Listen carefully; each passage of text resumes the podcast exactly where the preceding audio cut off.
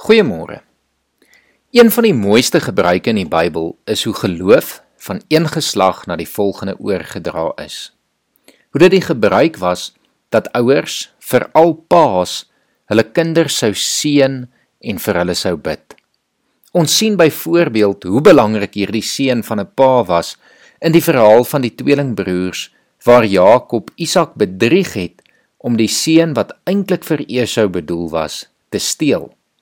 En alhoewel dit nie in vandag se tyd meer 'n tradisie is nie, is dit 'n gewoonte wat elke gelowige behoort aan te leer om vir jou kinders te bid, om met hulle oor God te praat en hulle te seën. In Deuteronomium 6 vers 6 lees ons: Hierdie gebooie wat ek jou vandag gegee het, moet in jou gedagtes bly. Jy moet dit inskerp by jou kinders en met hulle daaroor praat as jy in jou huis is en as jy op pad is, as jy gaan slaap en as jy opstaan. Ons kinders leer by ons. Hulle volg ons voorbeeld en hulle is afhanklik van ons as ouers om vir hulle die geloof weg te beduie. Daarom dat Deuteronomium vir ons aanmoedig om soveel as wat ons kan met ons kinders te praat oor God, oor sy wil en wat hy vir ons gedoen het. Geloof is nie 'n privaat aangeleentheid waar elkeen in die huisgesin op sy eie moet Bybel lees in die privaatheid van sy kamer en daar moet bid nie. Dit is ook nodig. Maar geloof is eintlik 'n gemeenskaplike samewerking tussen die lede van 'n huisgesin waar ons as gesin saam kan gesels en kan bid. Die woord huisgodsdiens is waarskynlik 'n woord wat tot 'n mate maar in die argief van die Afrikaanse taal geberge kan word. Maar dalk, net dalk is dit tyd vir 'n herlewing. Ek weet baie ouers lees vir hulle kleuters Bybelstories en hulle leer hulle bid, maar baie keer stop dit sodra die kinders ouer word. Vandag wil ek jou aanmoedig om weer te begin. Begin om met jou kinders oor God te praat, hulle ervaring en belewennisse met jou te deel en maak dit 'n oop gesprek. Dit hoef nie formeel te wees soos in die ou dae nie. Maak dit 'n lekker gesprek vir jouself en vir jou kinders. En dan wil ek jou aanmoedig om vandag nadat jy so 'n gesprek met jou kinders gehad het, hulle te seën en vir hulle te bid.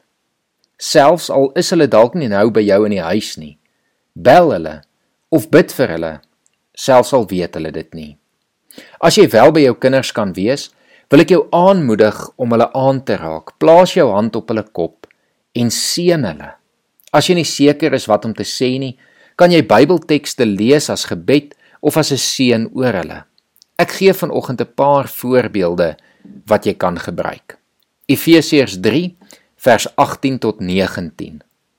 Mag julle in staat wees om saam met al die gelowiges te begryp hoe wyd en ver en hoog en diep die liefde van Christus strek.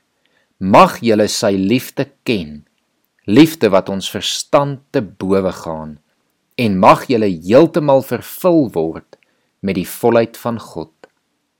Matteus 5 vers 16 Laat julle lig vandag so voor die mense skyn dat hulle julle goeie werke kan sien en julle Vader wat in die hemel is verheerlik. 2 Korintiërs 13 vers 13. Die genade van die Here Jesus Christus en die liefde van God en die gemeenskap van die Heilige Gees sal by jou wees. 2 Petrus 1 vers 2. Mag daar vir jou genade en vrede in oorvloed wees deur jou kennis van God en van ons Here Jesus. Numeri 6 vers 24 tot 26. Die Here sal jou seën en jou beskerm. Die Here sal tot jou redding verskyn en jou genadig wees. Die Here sal jou gebed verhoor en vir jou sy vrede gee. 2 Tessalonisense 2 vers 16 tot 17.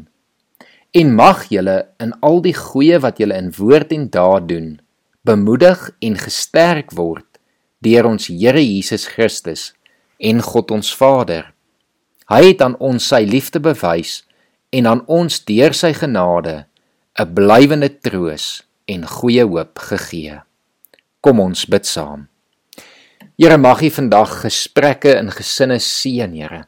Mag kinders en ouers lekker met mekaar praat oor wie U is en wat U alles gedoen het.